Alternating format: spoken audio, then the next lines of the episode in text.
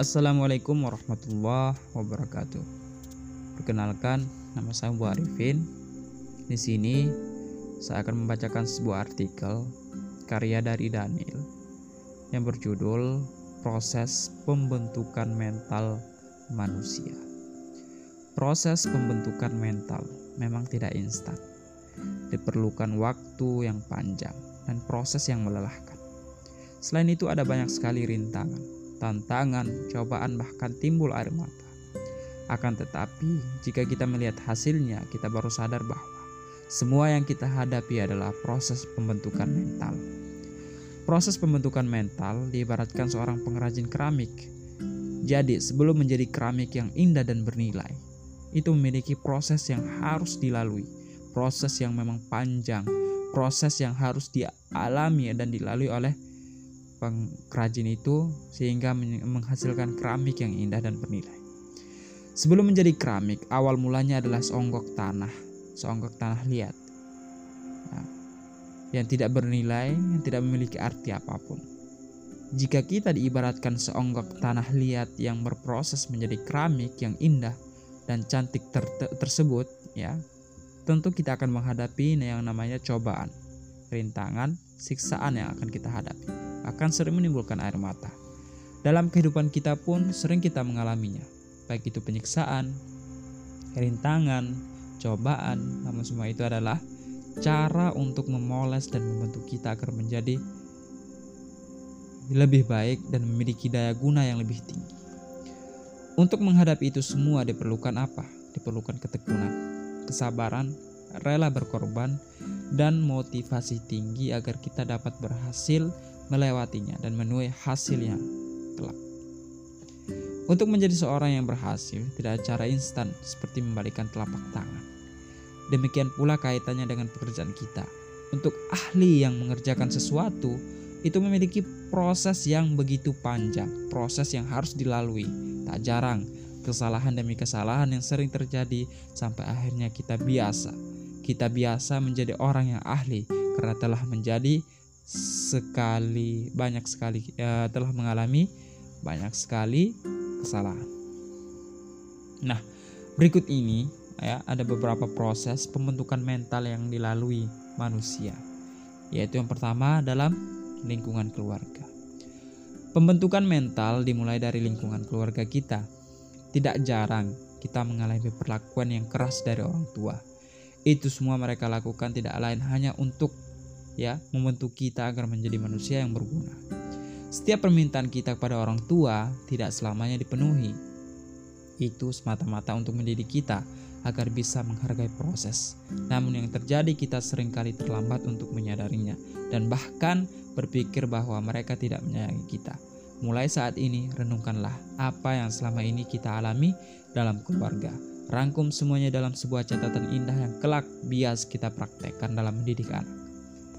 Yang kedua, masa sekolah hingga kuliah. Tentu kita masih ingat ya, kesulitan di masa sekolah. Kita harus mengorbankan waktu, ya, mengorbankan waktu untuk bermain kita dengan teman, untuk memperoleh ilmu, hanya untuk memperoleh ilmu yang menjadi bekal kita dalam meraih cita-cita. Setiap hari kita harus menghadapi pelajaran yang sangat membosankan, tambah lagi guru yang tidak bersahabat Ya, tidak jarang kita menemukan banyak orang yang berhenti di tengah jalan di masa sekolahnya atau kuliahnya. Tentu berbagai alasan muncul, namun yang terpenting adalah proses di sekolah juga membentuk mental kita untuk menjadi seorang yang memiliki karakter. Di masa sekolah hingga kuliah, kita harus berhadapan dengan jadwal yang padat. Hal ini menuntut kedisiplinan kita dalam menjalaninya. Jika kita disiplin, manisnya prestasi sudah menanti. Kita di akhir uh, di akhir masa sekolah atau kuliah renungkan kembali masa-masa tersebut. Masa-masa ketika sekolah hingga kuliah. Karena itu akan sangat berkesan masa itu hanya akan ditemui satu kali dalam kehidupan kita. Jika sudah lepas dari masa sekolah kelak kita akan merindukan masa-masa indah itu.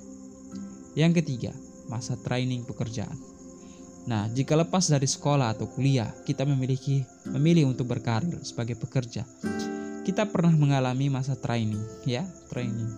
Pada masa itu kita akan dilatih dan dibentuk agar mampu bekerja sesuai dengan bidang pekerjaan kita.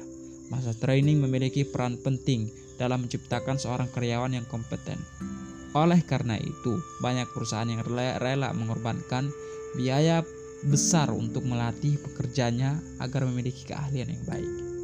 Karyawan adalah investasi jangka panjang sebuah perusahaan karena masa depan perusahaan sangat ditentukan oleh mutu atau kualitas karyawannya. Jangan heran ketika menghadapi masa training ini, instruktur kita begitu memperhatikan disiplin dan ketekunan.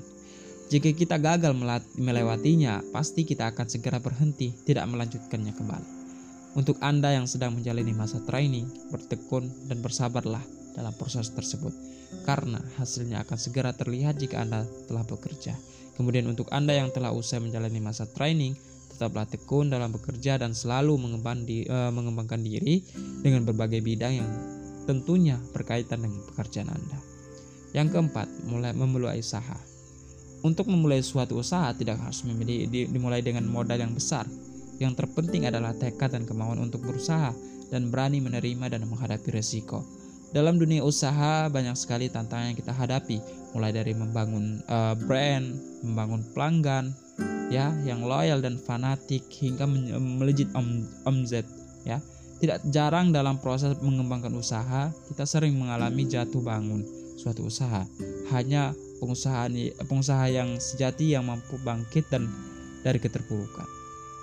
Nah berikut ini adalah ilustrasi yang telah dikemaskan dalam sebuah cerita suatu hari sepasang kakek nenek pergi berbelanja di sebuah toko souvenir ya untuk mencari sebuah hadiah buat cucu mereka. Kemudian mata mereka tertuju pada sebuah cangkir yang cantik. Lihat cangkir itu, kata si nenek kepada suaminya. Kau benar, inilah cangkir tercantik yang pernah aku lihat, ujar si kakek. Saat mereka mendekati cangkir itu, tiba-tiba cangkir yang dimaksud ya berbicara, "Terima kasih untuk perhatiannya." Perlu diketahui bahwa aku dulunya tidak cantik. Sebelum menjadi cangkir yang dikagumi, aku hanya seonggak tanah liat yang tidak ber, yang tidak berguna. Namun suatu hari ada seorang pengrajin dengan tangan kotor melemparku ke sebuah roda berputar. Kemudian ia memutar-mutar aku hingga aku merasa pusing. Stop, stop, aku berteriak. Tetapi pengrajin itu berkata, belum. Lalu ia mulai menyodok dan meninju diriku berulang kali. Stop, stop, ku teriak lagi. Tetapi, pengrajin itu masih saja meninjuku tanpa menghiraukan teriakanku. Bahkan lebih buruk lagi ia memasukkan aku ke dalam perapian.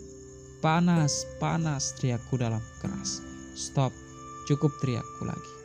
Tapi pengrajin itu berkata, belum. Akhirnya, ia mengangkut aku dari perapian itu dan membiarkan aku dingin. Kupikir salah-salah penderitaanku. Oh, ternyata belum. Setelah dingin, aku diberikan kepada wanita muda dan ia mulai mewarnai aku. Asapnya begitu memuakkan. Stop, stop, aku berteriak. Wanita itu berkata, belum. Lalu ia memberikan aku pada seorang pria dan ia memasukkan aku ke dalam perapian yang lebih panas dari sebelumnya. Tolong, tolong, segera hentikan penyiksaan ini. Sambil menangis aku berteriak sekuat-kuatnya. Tapi orang ini tidak peduli dengan teriakanku. Ia terus membakarku. Setelah puas menyiksa aku, akhirnya aku dibiarkan dingin. Setelah benar-benar dingin, seorang wanita cantik mengangkutku dan menempatkan aku dekat kaca. Aku melihat diriku, aku terkejut sekali. Aku hampir tidak percaya karena di hadapanku berdiri sebuah cangkir yang begitu cantik. Semua penderitaan dan kesakitan yang lalu menjadi sirna tatkala kulihat diriku menjadi sebuah cangkir yang cantik. Renungan seperti inilah cara Tuhan bentuk kita pada saat itu. Tidaklah menyenangkan. Sakit iya, penuh penderitaan iya, dan bahkan air mata iya, tentu ada. Tetapi inilah satu-satunya cara baginya, baginya, bagi Tuhan untuk mengubah kita supaya menjadi lebih cantik dan memancarkan kemuliaannya. Anggaplah sebagai suatu kebahagiaan apabila kamu jatuh dalam percobaan, sebab Anda tahu bahwa ujian terhadap kita menghasilkan ketekunan. dan biarkan ketekunan itu memperoleh buah yang matang supaya Anda menjadi sempurna dan utuh dan tak kekurangan suatu apa pun. Apabila Anda sedang menghadapi ujian, jangan sekali-sekali berkecil hati karena Dia, Tuhan, sedang membentuk Anda. Bentukan-bentukan itu memang menyakitkan. Tetapi setelah semua proses itu selesai, Anda akan melihat betapa cantiknya Tuhan membentuk Anda. Kutipan dari cerita cangkir yang cantik. Bagaimana cerita? Indah bukan? Nah, dari kesimpulan ini, dari cerita ini, dari artikel ini memiliki kesimpulan. Mengingat proses yang panjang tersebut, kita sebagai pribadi yang tidak sempurna tentu pernah mengalami pasang surut. Pasang surut itu pasang surut semangat kita dalam hidup ini. Tidak jarang kita mulai menyerah, ya, menyerah menghadapi situasi sulit yang belum lagi siksaan yang harus kita terima. Namun semua itu adalah proses Selama proses pembentukan mental berlangsung, kita sering kali menyerah pada nasib. Tidak heran, kita sering mendengar orang-orang yang berhasil bangkit dari keterpurukan dapat menjadi lebih baik dan berhasil dari keadaan sebelumnya. Tuhan memang uh, Tuhan memang maha adil ya untuk menjadi untuk menjadikan seseorang berhasil pasti melewati proses yang panjang. Hanya orang-orang yang tegar, teguh, pejuang sejati yang mampu melewati rintangan tersebut yang akan mendapatkan hasilnya. Sementara orang yang mudah menyerah tidak akan pernah mendapatkan keberhasilan Untuk itu jadilah orang yang tangguh, tegar dan tekun dalam menghadapi percobaan. Karena bisa jadi kesuksesan sudah hadir di depan kita, kita saja ya, kita bisa bertahan atau melewatinya. Khusus untuk Anda, silakan bagikan pengalaman Anda semasa pembentukan mental yang telah Anda alami di kolom komentar. Ya, di bawah komentar uh, artikel Daniel ini. Semoga ter terinspirasi Wabillahi taufiq wal hidayah. Wassalamualaikum warahmatullahi wabarakatuh.